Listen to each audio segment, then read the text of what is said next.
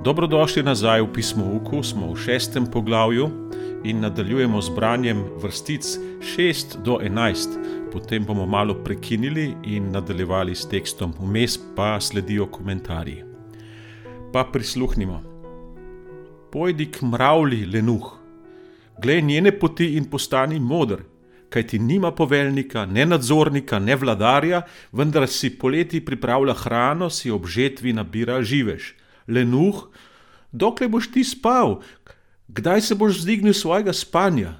Malo boš spal, malo dremal, malo držal roke križem in počival. In siromaštvo pride k tebi, kakor klateš, in pomankanje, kakor oboroženec.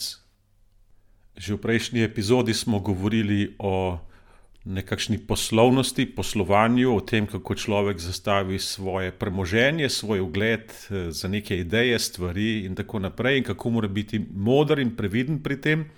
Je pa še ena težava, ki jo imamo ljudje in sicer, da mislimo, da bodo stvari kar same sebe se uredile. To je pač velika zmota. In tukaj je oče nekoliko ciničen, nekoliko tudi s humorjem govori svojemu sinu, sinovom ali pa hčeri o tem, kaj prinese pasivnost, se pravi, kaj prinese lenoba. In pravi: Lenuh, pojdi k mravlji, postani moder.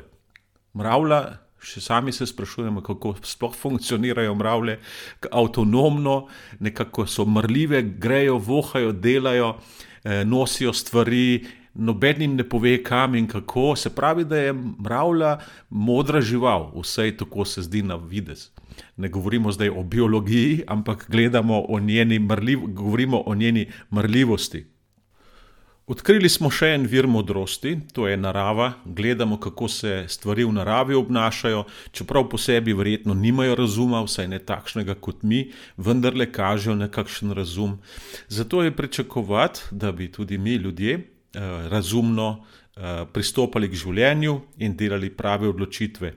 Tukaj je klic k temu, da je prava odločitev v življenju zato, da nekaj dosežeš, da nekaj dobiš, ne to, da počivaš ali da si len ali da te entropija obvlada, ampak to, da tudi sam postaneš marljiv, da delaš. Ni nujno, da je to vsakemu položeno v zibko, ampak vsak se lahko za to odloči, lahko se pa tudi odloči, da ne bo delal, da ne bo se odločal, da ne bo marljiv, da ne bo aktiven v tem, kako teče njegovo življenje. Vsakdo je iz svoje strani odgovoren za to, kako bo življenje teklo. Tudi ali bo v tem življenju blagostanje ali pa ne, finančno ali pa drugačno, je odvisno od njega, kako bo zastavil življenje, delo. Če pa ne, potem pa se hitro zgodi, da pride revščina, pride negotovost. Česa se torej naučimo iz tega sporočila, iz te prispodobe o mravlji? Namreč to, da v življenju pač je treba pljuniti v roke, delati in premišljeno upravljati s tem, kar ti je dano. Seveda obstajajo razlogi, ko človek ne more delati, bodisi da je tukaj zdravje bodisi da je takšna ekonomska situacija ali pa se je človek tako zaplezal, da to ni mogoče, ali pa so ga drugi potisnili v takšno nemogočo situacijo, da je onemogočen. Vendarle ta prispodoba o mravlji, ki išče, ki dela, je lahko tudi prispodoba o tem, da človek išče rešitve in da ne odneha.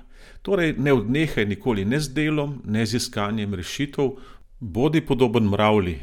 Poglej na mravljo še z drugega zornega kota. Mravlja je seveda prispodoba, za nekaj, kar si tudi ti, ampak ti si še mnogo več, ker modrost, ki si si jo nabral, ti pomaga, da imaš višji, globlji, pametnejši uvid, ki je relevanten za tvoje delo, za tvojo družino, za tvojo okolico.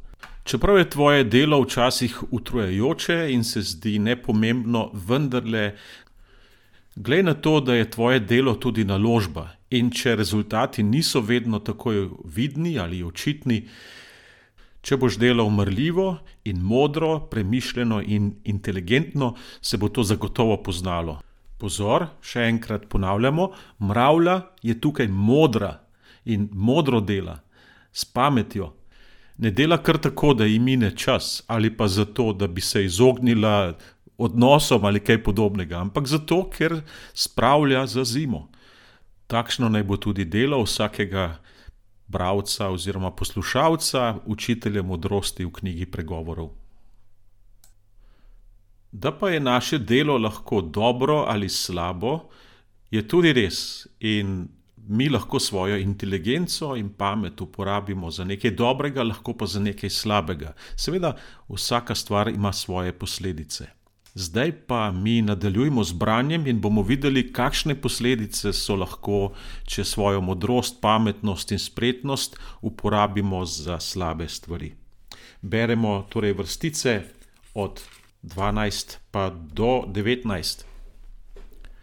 Podal človek, ničev mož je, kdo hodi okrog z izkrivljenimi usti, mežika z očmi, drobi z nogami, kaže s prsti. Kuje hudobijo v svojem izprijenem srcu, se je prepire vsak čas, zato bo v trenutku prišla njegova poguba, v hipu se bo zrušil in ne bo zdravila. Šest reči so vraži gospod, sedem se jih gnusi njegovi duši, prevzetne oči, lažniv jezik in roke, ki prelivajo nedolžno kri, srce, ki kuje zle naklepe, noge, ki se spuščajo v tek za hudobijo, kriva priča, ki govori laži in kdo seje prepire med brati. Imamo nekako tri možnosti v življenju, da se odločimo, kako se bo oblikoval naš karakter. Prvič, tako da postanemo modri, znamo organizirati svoje življenje, postaviti prioritete, biti premočrtni, preudarni in tudi mrljivi kot mravlja. Druga možnost je, da smo leni, da se nam nič ne ljubi, da verjamemo, da se bodo stvari same po sebi uredile in kažemo neke vrste naivnost, ki je smešna. Obstaja pa še tretja opcija in ta je seveda najslabša. Prva je dobra, druga je slaba, tretja pa je najslabša. Ko človek vloži svoje energije, vse svoje sposobnosti v to, da postane karikatura dobrega in sicer postane lažnivec, nenačelen, stopiclja sem in tja, se pravi, nima nobenih načel, jasnih.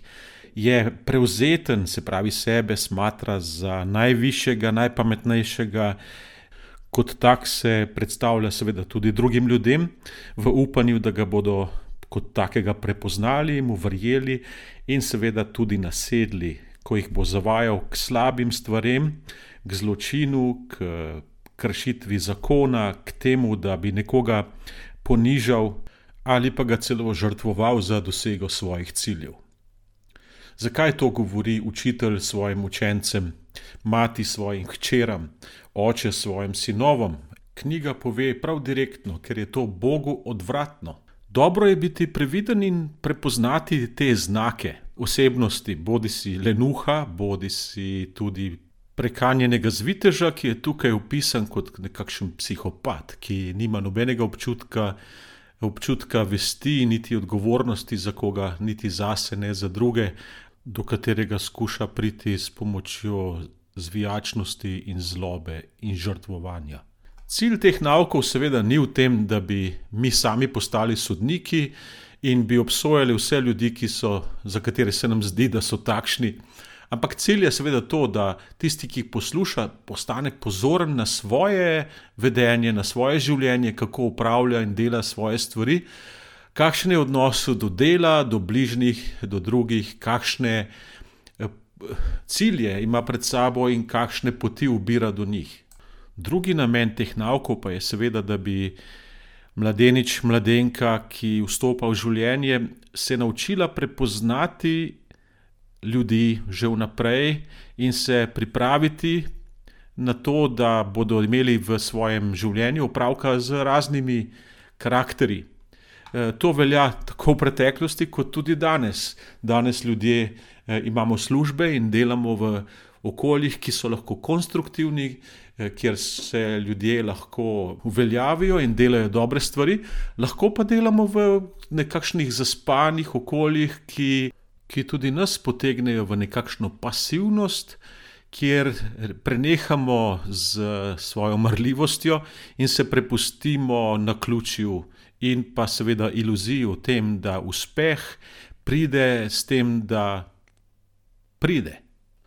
Tretja stvar pa je, da pademo v toksično okolje, lahko tudi v toksično, to se pravi, stropeno, zastrupljeno okolje, delovno mesto, kjer smo se znašli kot v nekakšni nočni mori, kjer ljudje obvladujejo nas s svojimi manipulacijami in pa nasiljem, bodi, bodi si fizičnim ali pa tudi psihološkim nasiljem. Strašno je to, če se znajdemo v tem, v eni ali pa v drugi vlogi, ko zaspimo, v drugi, ko živimo v stalni paniki in strahu zaradi, recimo, temu kar psihopatski lastnosti ljudi, ki nas obvladujejo. Dejstvo je, da obstajata ena in druga situacija, ampak kdo je odgovoren za to, kako živi svoje življenje? Vsak sam. To je nauk tega učitelja, ki poučuje mladeniče in mladenke. Za svoje življenje moraš prevzeti svojo odgovornost sam in paziti in biti moder, s kom se družiš in kakšen postajaš. Vprašanja za poglobljen razmislek o tem, kako poglobiti razumevanje tega besedila, se ponujajo kar sama. Pa si jih zastavi, draga poslušalka, poslušalec, bralec knjige pregovorov skupaj s pismoukom, kar sama. Sedaj imaš že dovolj modrosti, da to storiš. Slišimo se v naslednjem podkastu, v naslednji epizodi, kjer se bomo končno spet srečali z zapeljivko in z strašno pastjo, ki jo nastavlja nespametnemu mladeniču, in pa tudi zapeljivca, ki zapeljuje dekle ali ženo v nekaj, kar bo gotovo obžalovala.